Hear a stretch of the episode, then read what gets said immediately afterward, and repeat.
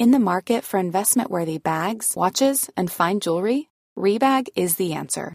Rebag is a luxury resale platform where each piece is carefully inspected by experts to ensure quality and authenticity. Use Rebag to buy and sell finds from the world's top brands, including Louis Vuitton, Chanel, and Cartier. Head to Rebag.com and get up to 15% off your first purchase as a member with code REBAGNEW. Shop today at Rebag.com. That's R E B A G.com. And use promo code REBAGNEW for up to 15% off your first purchase as a member. Hiring for your small business? If you're not looking for professionals on LinkedIn, you're looking in the wrong place. That's like looking for your car keys in a fish tank. LinkedIn helps you hire professionals you can't find anywhere else, even those who aren't actively searching for a new job but might be open to the perfect role. In a given month, over 70% of LinkedIn users don't even visit other leading job sites. So start looking in the right place. With LinkedIn, you can hire professionals like a professional. Post your free job on linkedin.com slash people today. Burrow's furniture is built for the way you live. From ensuring easy assembly and disassembly to honoring highly requested new colors for their award-winning seating, they always have their customers in mind. Their modular seating is made out of durable materials to last and grow with you. And with Burrow, you always get fast, free shipping. Get up to 60% off during Burrow's Memorial Day sale at burrow.com slash ACAST. That's burrow.com slash ACAST. burrow.com slash ACAST. Dagen før kvinnedagen har vi besøk av Rebekka Josland. Hun er byråd for helse og omsorg i Bergen, støttet KrFs inntreden i Erna Solbergs regjering, men tar ikke gjenvalg til bystyret.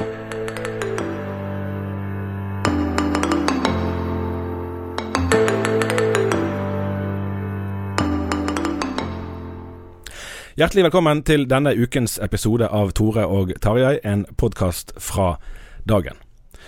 Rebekka Josland, du har vært eh, byråd for helse og omsorg her i Bergen siden 2015, og før det satt du fire år i bystyret. Hvordan opplever du hverdagen som politiker når du går hjem for dagen? Hva slags følelse har du oftest inni deg da?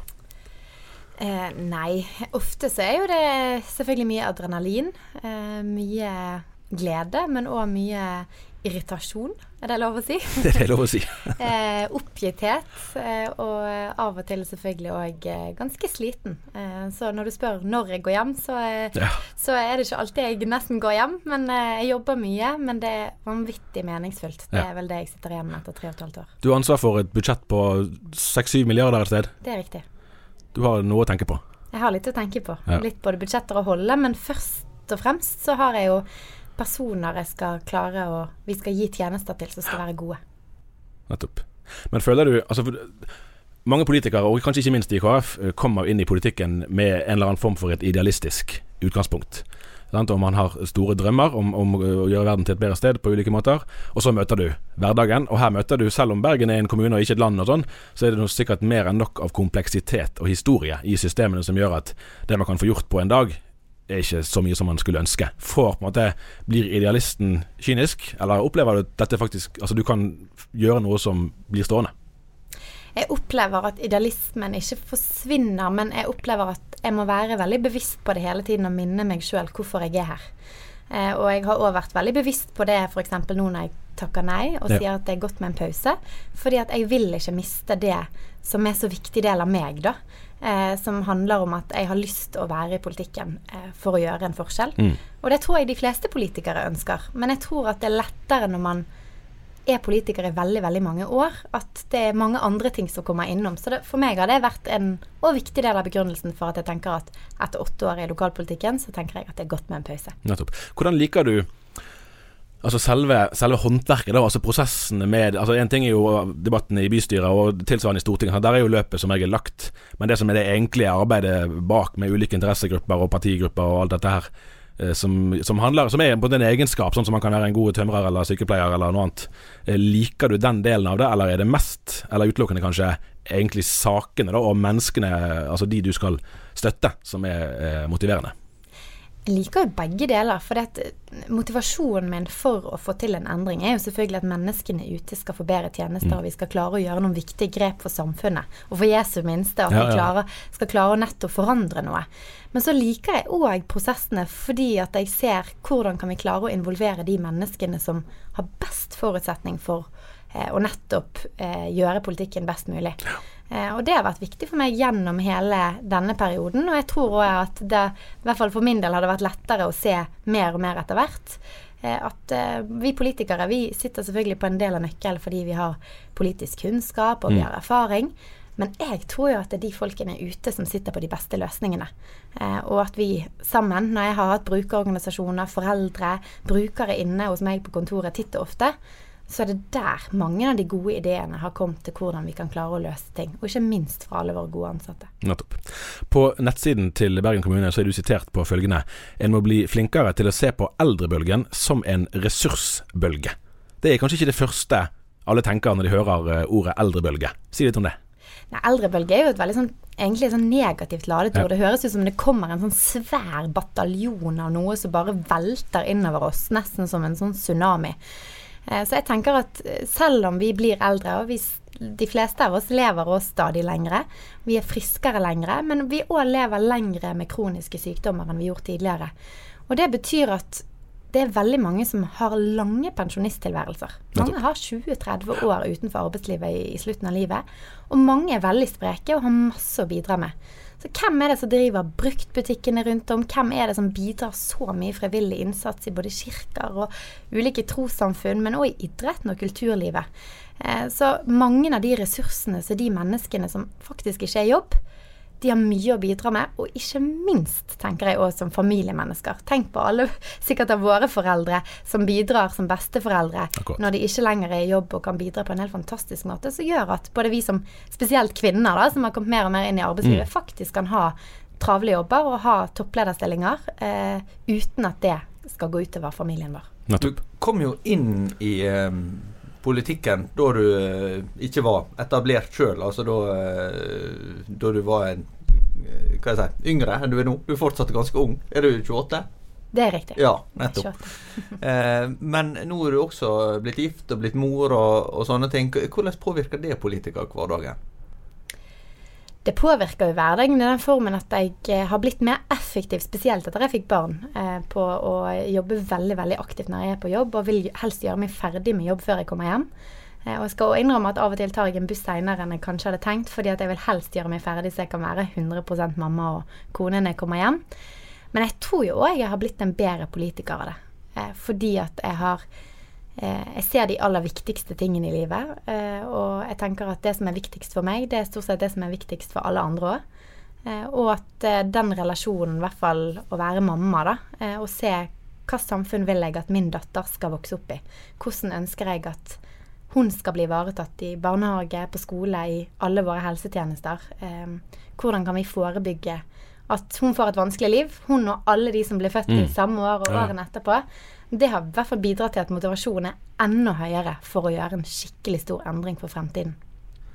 Nå kom jo det nye mm, tall for, for antallet fødsler i Norge, i dag faktisk. Eh, og aldri har det vel vært så eh, lavt, så vidt jeg eh, forsto. Og da er vi ned på 1,56 eh, barn per kvinne eh, i Norge. Og, eh, og det er jo veldig lavt. Hva tenker du om det som politiker? Vet du, Jeg syns det er helt forståelig. Eh, når vi skal jobbe mer og vi stadig får på en måte mer press på som både familie og vi skal ta lengre utdanninger for å få de jobbene som kreves. Eh, det er stadig høyere formalkompetanse, eh, og det er fint å, det er såpass stor forskjell på å få barn etter man har begynt å tjene penger og ikke. Så er det helt forståelig at man kommer seint i gang, og at man får færre barn. Fordi at det er vanskeligere å håndtere mange barn når begge skal være i fulltidsjobb så er det jo sånn at det er mange som velger å ikke ha det sånn. Eh, og, og, familien er jo de som er best egnet til å ta de beslutningene. Men jeg tror at veldig mange familier, når de planlegger, så handler det mye om hvilken tid har vi. Eh, hvor mange barn eh, kan vi ta vare på på en god måte. Og så tror jeg selvfølgelig òg sånn som permisjonsreglementet og, og, det at man har fått en tredeling nå, som er en, en viktig sak på kvinnedagen for mange i morgen. Jeg tenker at det er selvfølgelig òg med i diskusjonen om man skal få ett barn til. Du nevner kvinnedagen, og eh, den har jo eh, blitt eh, ekstra betent i år som følge av regjeringsforhandlingene. Hva tenker du om, om det som er skjedd der rundt debatten rundt tvillingabort og, og de markeringene som er venta i morgen? Nei, altså jeg må jo si at det er jo utrolig viktig at vi har ytringsfrihet, og at alle kan få lov til å uttrykke den meningen de har, både i abortspørsmål og i andre spørsmål. Men det, jo, det, har jo vært en litt sånn rar debatt på veldig mange måter. For først fikk man jo høre at det var en sånn veldig liten sak. Det var jo egentlig ikke, et, eh, det var jo ikke en seier egentlig i regjeringen i det hele tatt. Og så etterpå så er det sånn det er helt katastrofe. Og det skal bli det største kvinnedagen noen gang, og de største 8. mars-togene. Sånn at på meg virker det som at veldig mange tenker at eh, det er kanskje ikke en så stor endring. Men prinsipielt sett vil jeg jo absolutt si at det er viktig at vi faktisk gjør tvillinger hører sammen, eh, og at det skal være legitimt av Norge å mene at det faktisk ikke bør være mulig å ta abort, verken av én eller to. Mm. Eh, og der mener jeg jo at KrF vi står jo fast på vårt program som vi har ment hele tiden, at vi er mot selvbestemt abort. Og vi mener at det er retten til liv bør være helt essensielt i et samfunn som Norge. Ikke det et ganske stort politisk paradoks, litt ledende spørsmål nå, eh, at Eh, de som skal gå i tog da, i morgen. Mange av de vil jo si at, eh, eller vil kritisere statsministeren for å ha politisert kvinners rettigheter. Og, og gjøre abortloven til en del av politisk hestehandel for å få KrF inn i regjeringen. Men så Det kan jo for den saks skyld være at det blir flere aborter som følge av den konkrete lovendringen med tvillingabort, på den måten at begge kan bli abortert. Gjør ikke disse kritikerne akkurat det samme sjøl, ved å gjøre den saken likevel mer omfangsrik enn den er, i sin politiske kamp? Jo det, jo, det er jo, helt riktig at det var et ledende spørsmål, men jeg er jo helt enig i det. Og jeg tenker at abortspørsmålet har jo blitt Jeg syns jo abortspørsmålet er veldig spennende eh, å debattere politisk. For jeg opplever at de som i hvert fall er uenige med KrF, har relativt sånn Argumentasjonen er ganske sånn Man stopper ved at det er kvinnen som bestemmer sjøl. Mm. Når jeg har utfordret i abortdebatter sånn tidligere på ja, men når mener du livet starter, da? Hva er grunnen for at man sier uke 12? Hvorfor skal man si uke 16? Mm. Hva er annerledes i uke 8 enn uke 12? Når hjertet slår etter under tre uker, og du sier at relativt mange av organene er på plass etter få uker, hva er det som prinsipielt sett er diskusjonen? Og jeg husker, eh, som jeg er jo sykepleier fra før, og når jeg jobbet på sykehus, så husker jeg eh, veldig godt en eh, samtale med en lege der vi diskuterte abort på en nattevakt som var ganske rolig. Og der han var veldig uenig med meg i abortspørsmålet. Men når jeg utfordret han da på liksom, Ja, men det er jo så mange av organene til barnet som er utviklet etter så og så kort tid. Så var svaret hans ja, men det er jo ikke tvil om at det er et liv. Spørsmålet her er jo egentlig bare er det rett å ta livet, ja. eller er det ikke det? Og det tenker jeg skulle jeg ønske var en mye større del av abortdebatten, for da hadde det blitt en større òg muligheter for etisk refleksjon. For jeg respekterer så sterkt de som er uenige med meg og mener at man bør ha selvbestemt abort fullt ut. Mm. Men jeg vil gjerne kunne diskutere den på, på, gode premisser, og der vi diskuterer hva er det vi egentlig diskuterer nå. Eh, ja. For kvinnens kropp alene er i hvert fall ikke der denne diskusjonen slutter. Mm.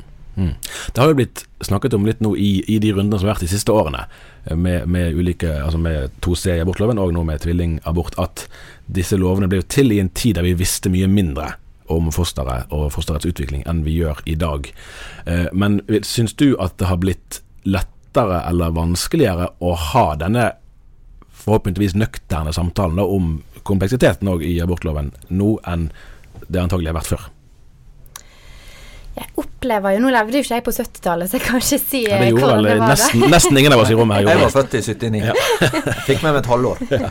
Men jeg kan jo i hvert fall si at jeg opplever at på én måte så har det blitt enklere å diskutere abort eh, etter denne såkalte reservasjonsrettdebatten. Mm. Eh, fordi at eh, det har blitt mer legitimt at man faktisk kan diskutere at det er et etisk dilemma. Ja. Um, og i forbindelse med tvillingabortdiskusjonen så har jeg jo så, så, har vi også sett ganske mange tall på at det er relativt mange velgere i ulike partier mm. som er enig med KrF ja. i det standpunktet om at tvillinger hører sammen. Så jeg, jeg, tenker på mange måter så har det blitt enklere å, um, å skulle på en måte diskutere abort, men på sett og vis har det blitt mindre sånn åpenhet i, media Mm. rundt det å faktisk være mot selvbestemt abort, Ja. og at det er egentlig helt ugreit, og at man kan ikke være feminist hvis man er mot selvbestemt abort. Og det vil jeg påberope meg å være sterkt uenig i. Hva legger du i det å være feminist? Det er jo et interessant spørsmål på kvinnedagen. Ja, jeg, jeg legger jo i det. Eh, Det er jo derfor man, mange, mange som er mot selvbestemt abort, kjenner på liksom eh, Ikke bismak, men at man må tenke seg liksom ekstra om. Er jeg feminist, eller er jeg ikke det? Men jeg vil svare et ganske rungende ja til at jeg er det. Eh, selv om jeg er uenig i mange av parolene som går i mange 8. mars-tog, eh, så vil jeg sterkt fremheve at kvinner eh, Det å jobbe for at kvinner skal være mer aktive både i næringsliv og i arbeidsliv, og at vi skal kjempe for kvinner både i Norge og ute i verden sine rettigheter, og hvordan vi kan legge til rette for at eh, kvinner faktisk kan eh, ta posisjoner, si ja til verv, eh, tørre å, å påvirke samfunnet i alle mulige slags fora. Derfor er det litt av grunnen til at jeg eh, vil svare ja på at man kan være feminist og mot eh, en del av eh, parolene i 8. mars-dagen Ja. likevel. Er, altså selve kvinnedagen og markeringen, er det på en måte en Når du tenker på det, er det en, en, altså en dag og en markering som du kjenner at du slutter deg til, eller kjenner du først på at ja, men? Jeg kjenner at det er en dag der jeg sier takk når jeg blir sagt gratulerer med dagen til, og jeg skal sjøl arrangere 8. mars-lunsj for eh, en god del kvinner i morgen. eh, Og det er en dag som jeg tenker at vi skal, vi skal ta den dagen. Jeg har ikke tenkt at eh, de 8. mars-parolene og alle de abortmotstanderne i morgen skal få ha dagen aleine. Men det er klart, det er litt på samme måte som, som 1. mai og andre, andre dager, at det er jo en del historiske begivenheter og, og mange saker som har preget disse togene, som gjør at mange selvfølgelig ikke er like engasjert i, i 8. mars, selv om de er opptatt av kvinnesak.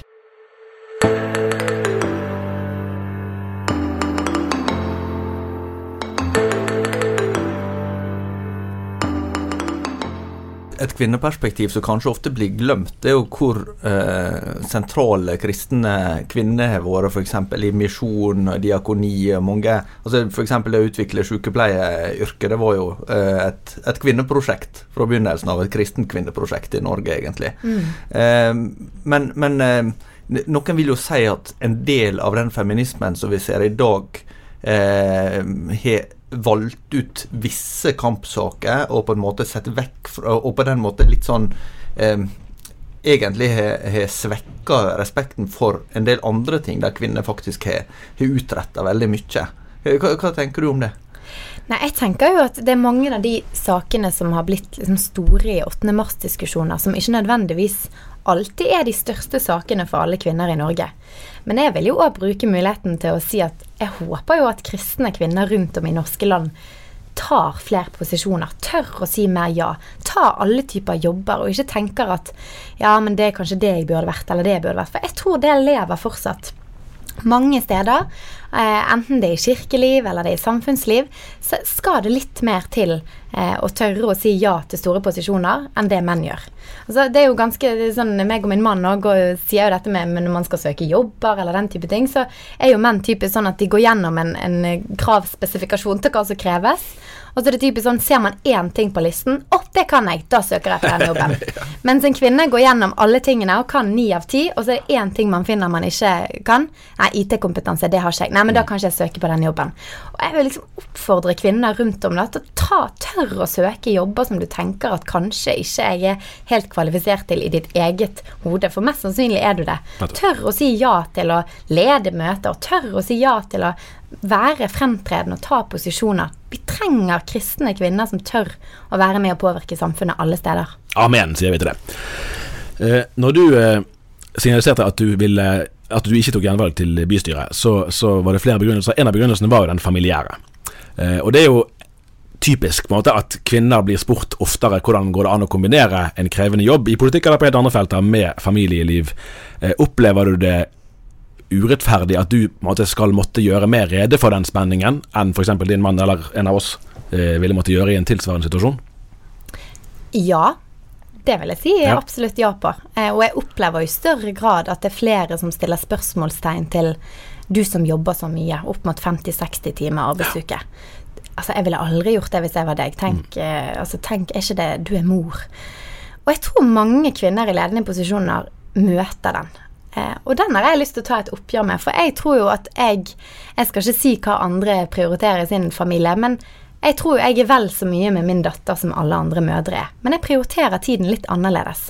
Jeg har gjerne en, flere feriedager enkeltvis. Jeg, jeg legger opp sånn at eh, helgene mine er annerledes. Det er andre ting jeg prioriterer lavere som jeg prioriterte høyere før, av fritidsaktiviteter og den type ting. Sånn at jeg vil jo òg skape rom for at kvinner sjøl må heller ikke bidra til at, at vi eh, gjør at andre kvinner ikke skal kunne ta lederposisjoner og kombinere det med familieliv. Eh, sånn at det er oftere stilt spørsmålstegn om, om kan kvinner gjøre det. Ja, men da må vi òg ha tillit til at familiene sjøl vurderer hvordan kan vi bruke tiden for at vi skal få mest mulig tid sammen, og for at vi kan bygge familien på vår måte, med mm. våre arbeidssituasjoner. Eh, og etter åtte år så kjente jeg på eh, situasjonen som at det er bra med en pause for meg, for min familie, men, men, det er jo først og fremst fordi jeg har en veldig spesielt krevende jobb akkurat nå, som er utrolig spennende, men veldig tidkrevende. Og Derfor så var det enklere å tenke at nå gjør jeg noe annet en periode, og tar en pause fra politikken. Um, og det var en, en felles eh, vurdering som hele familien tok. Og jeg har jo en mann som helst ville jeg skulle si ja. og helst ville jeg skulle pushes til å fortsette. Men, men eh, for meg var det viktig at eh, eh, å ta en pause når jeg kjenner at tiden er inne, og av hensyn til de oppgavene som man skal stå ovenfor i fire nye år, at man er fullt ut motivert for det. Men eh, hvis en snur på det, så KrF har jo vært opptatt av å sikre valgfrihet for, for familiene. Eh, i, i, vår tid så er jo det med, med likestilling knytt til mye Nettopp det å ta posisjoner, altså det, det er jo én mulighet. Men, men, tenker du det er fare for at anerkjennelsen for det å ha en mer sånn tradisjonell eh, altså Å velge mer sånn anførselstegn tradisjonell, da, at, at, den ikke er så stor som den burde ha vært. At det der ligger et press i retning av at du må eh, tenke karriere, du må tenke eh, Klatre på stigen, på en måte. Ja, det tror jeg. Sånn at jeg tenker litt sånn begge ting samtidig. Jeg tenker at mange kvinner ikke tør å ta posisjoner fordi at de ser begrensningene sine. Men så tenker jeg òg at det er ganske mange kvinner som ikke tør å jobbe deltid, eller som føler at de må ha den og den jobben selv om de egentlig ikke vil, fordi at det er et karrierejag. Og, og begge de er å, å, på en måte falle i en grøft. Fordi at vi må tolerere at familier er forskjellige. At ulike kvinner og ulike menn er forskjellige. At, eh, at, vi velger forskjellige veier. Men det er viktig at når man velger både karriere og jobb og familieliv, og hvem som skal ta pensjon, og hvem som skal ta kontantstøtte og diverse, at det er faktisk familien som vurderer det sjøl. Jeg har tillit til at det er mye bedre at de eh, valgene skal tas rundt kjøkkenbordet enn rundt kongens bord. Eh, og nettopp derfor så valgte vi en helt annen løsning. Sant? Jeg tok en del ulønnet permisjon etter permisjonen vår, og min mann tok et halvt år permisjon etter det igjen for å forlenge det med kontantstøtte. Så vi hadde jo vår datter hjemme til hun var nesten to år. Eh, og det var jo en løsning som egentlig mange syntes var litt rar. Mm. Hvorfor ville ikke vi ha barnehage mye før? Og det var jo veldig spesielt med, med, vår situasjon. Men den var helt perfekt for oss. Jeg kunne ikke ønske meg en annen løsning. Og jeg har lyst å tale for at hver eneste familie må få lov til å vurdere om skal en av oss jobbe deltid, eh, skal vi ta den og den, skal du ta den og den jobben, skal vi ha barnet vårt i barnehage, skal vi ikke ha det? Og så må andre akseptere at det var deres valg. Mm. Og sånn opplever jeg ikke tilstrekkelig grad at det er. Du er jo vokst opp i, i pinsemiljøet. Sant? og Sist gang jeg hørte deg snakke, var på LED, altså pinsebevegelsens store lederkonferanse nå i, eh, i februar. Du skal få slippe å utlevere liksom, de indre forholdene i din egen menighet, eh, men hvordan opplever du kristne miljøer, og kanskje særlig frikirkelige miljøer, f.eks. i møte med kvinnedagen og de tingene som vi snakker om her nå, i forståelsen av tradisjonelle, moderne kjønnsroller og, og familiemønstre og, og, i det hele tatt eh, hva man velger. Eh, konservative blir jo av og til anklaget for at de gjør egentlig det samme som de andre, de er bare litt forsinket. Sånn er det en treffende beskrivelse på de menighetsmiljøene du kjenner, at egentlig så vil måte din, vår generasjon kvinner velge mye det samme som det som eh, Altså ikke på abort og sånn, men på mer likestillingslandskap f.eks. Velge mer likt det som samfunnet gjør, men kanskje 10 av 20 år etter at det var blitt vanlig. Eh, er den forsinkelsen en treffende beskrivelse, syns du? På noen områder er jo en det.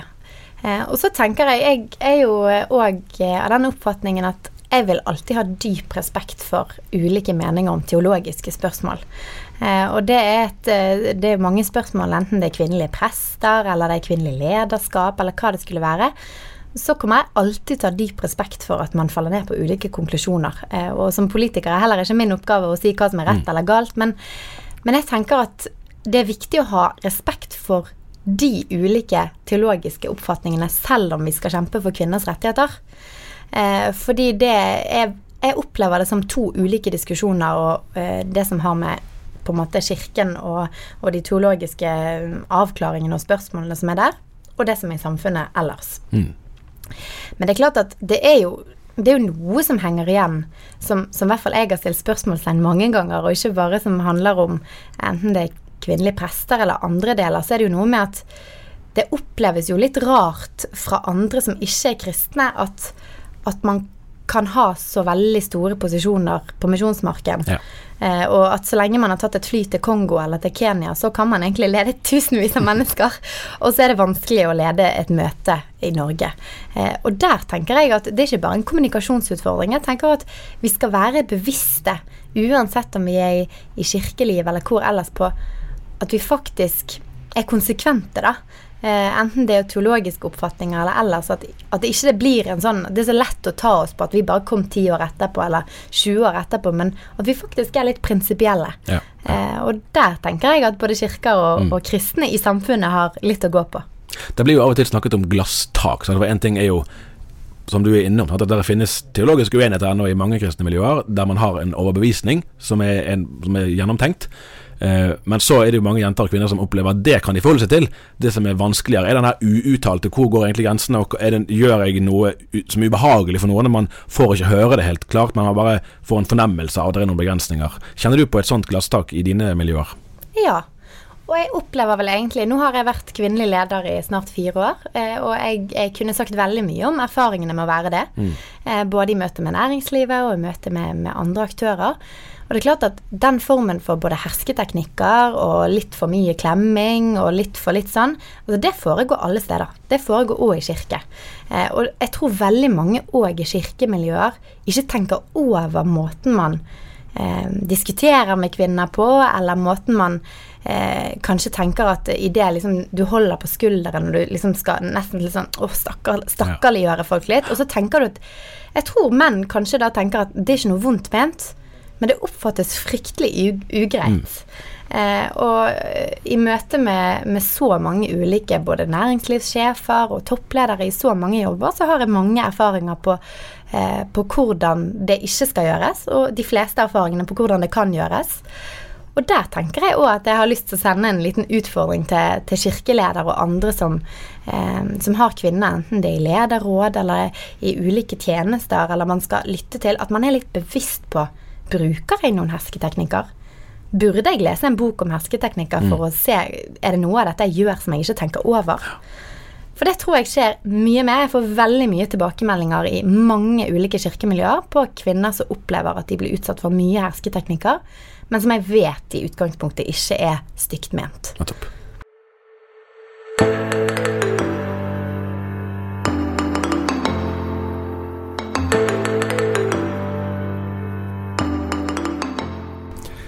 For å ta noe helt annet som eh, vi må få snakka med deg om når, eh, når du først er her, så er det sånn at eh, du sitter i et byråd i Bergen i samarbeid med Arbeiderpartiet. Eh, men du støtter da såkalt blå side i KrF da denne store debatten gikk om regjeringssamarbeid i høst. Hvordan syns du eh, startet på regjeringssamarbeidet har gått? Nei, eh, jeg syns jo at eh, Jeg kan vel si så ærlig at jeg syns at Kjell Ingolf Ropstad fikk eh, veldig, veldig mye kritikk eh, som var eh, veldig uberettiget. Eh, og det frustrerte meg veldig, både fordi at jeg kjenner han ganske godt, eh, både gjennom mange år i ungdomspolitikken sammen, og eh, jeg kjente meg ikke igjen i noe av beskrivelsen som kom om han, eller om den jobben han både har gjort, og uttalelsen som han har hatt. Sånn at det var på en måte den første starten, men, men jeg opplever jo at KrF har fått satt virkelig et veldig stort avtrykk både i regjeringsplattformen, og det er jo en grunn for at det er jo veldig lite på en måte opprør rundt om i, i KrF, sånn som det er nå om, om de politiske sakene. Og så har det roet seg litt mer rundt, eh, rundt òg veivalget. Men det er klart, eh, nå har vi hatt litt bedre oppslutning i det siste, som er veldig positivt. Eh, Men jeg opplever i utgangspunktet at Det er veldig mye positivt. Men det er fire partier. Dette var heller ikke mitt første valg. Det var heller ikke mitt andre valg. Det var ganske langt ned på listen å måtte samarbeide med et av, av fløypartiene. Men når vi først så at de samarbeidene vi hadde hatt de, de fem forrige årene, hadde ført til så mye god KrF-politikk, så var det lett for meg å konkludere på at vi må prøve det først. Og foreløpig så tenker jeg at vi har fått gode posisjoner. Vi har dyktige folk. Jeg er så stolt av de tre, tre statsrådene vi har fått på plass, eh, som er på veldig riktige steder, og som, som, jeg vet vil utgjøre en forskjell. Og selvfølgelig veldig gøy med en fra Bergen. Eh, og eh, jeg tenker at det blir spennende å se i tiden som kommer, eh, og jeg vet at KrF vil gjøre det vi kan for å påvirke Norge i en riktig retning. Hvordan ser du på framtida for KrF? Det er jo, altså Selv om du sier at det, er gått bedre på meningsmålinger, så er det jo fortsatt eh, rundt sperregrensa partiet beveger seg, og, og, en del under på meningsmålingene. Hva, hva tenker du om unnskyld, potensialet for partiet nå? Jeg tenker at potensialet fortsatt er, er, stort, og mye mye større enn eh, de 4,9 som var den siste målingen, og, og under det som har vært tidligere. Eh, og det er jo nettopp nå når vi er i posisjon i regjering, og vi er i posisjon i mange kommuner, det å vise frem den fantastiske politikken vi har for barn, for unge, for hvordan vi skal legge til rette for at eldre får en god hverdag. Hvordan legger vi til rette for personer med funksjonsnedsettelser og personer med utviklingshemming, for at de kan leve gode liv, uavhengig av om de har det ene eller det andre. At vi skaper boliger og arbeidsplasser nok. At vi tilrettelegger for at barn og unge som har det psykisk krevende, at de faktisk får hjelp i tide, og ikke to-tre år seinere. Um, og det er noe av det som jeg tenker vi skal jobbe dag og natt med i, i, dagene og ukene og månedene som kommer, for å vise at vår politikk den forandrer byene våre, den forandrer lokalsamfunnene våre, og den forandrer landet og, og selvfølgelig verdenssamfunnet med at vi nå har en utviklingsminister som skal bekjempe fattigdom i verden på vegne av Norge. Uh, og jeg tror at veldig mange nå ser, etter den runden som har vært, at, at, hvordan hadde på en måte det sett ut hvis KrF sin stol var tom. Jeg tror mange kristne spesielt har konkludert på at vi trenger KrF. Ikke bare i abortdiskusjonen, og ikke bare for å løfte de etiske, viktige diskusjonene. Men det er faktisk ikke en selvfølge at vi får ha trosfriheten vår i fred i kirkene våre. Det er ikke en selvfølge at vi får drive friskoler. Det er ikke en selvfølge at vi rundt om i lokalsamfunnene våre har muligheter for å legge til rette for at det faktisk må være greit å si nei til en del skjenkebevilgninger, sånn at byen vår er bedre for barn å vokse opp i, og at det ikke er så mye uro og vold på byen. Og disse spørsmålene står KrF relativt alene om i mange både kommuner og selvfølgelig også nasjonalt. Og det tror jeg flere og flere velgere kommer til å se. Og jeg skal i hvert fall jobbe så mye som mulig for at, at eh, vi får ut det budskapet. Det tror jeg grunnen var det vi rakk, for du har noen helsepolitiske utfordringer helt konkret å løse rett nede på et hus i nabolaget her. Så vi får si eh, takk for besøket. Gratulerer på forskudd med kvinnedagen. Tusen takk. Ta gjerne kontakt med oss uh, fremdeles på tore1dagen.no eller tarjei1dagen.no hvis du har tips eller synspunkter. Så høres vi igjen neste uke. Ha det godt.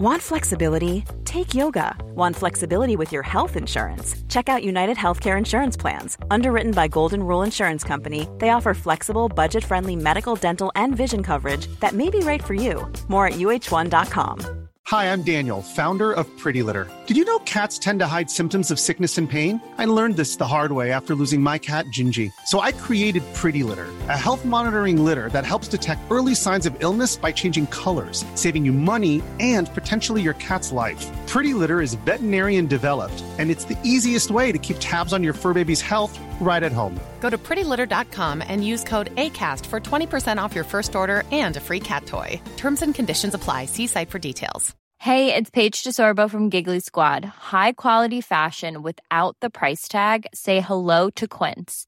I'm snagging high end essentials like cozy cashmere sweaters, sleek leather jackets, fine jewelry, and so much more. With Quince being 50 to 80% less than similar brands.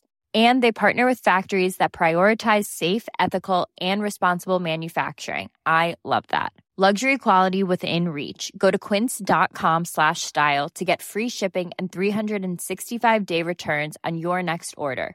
Quince.com slash style.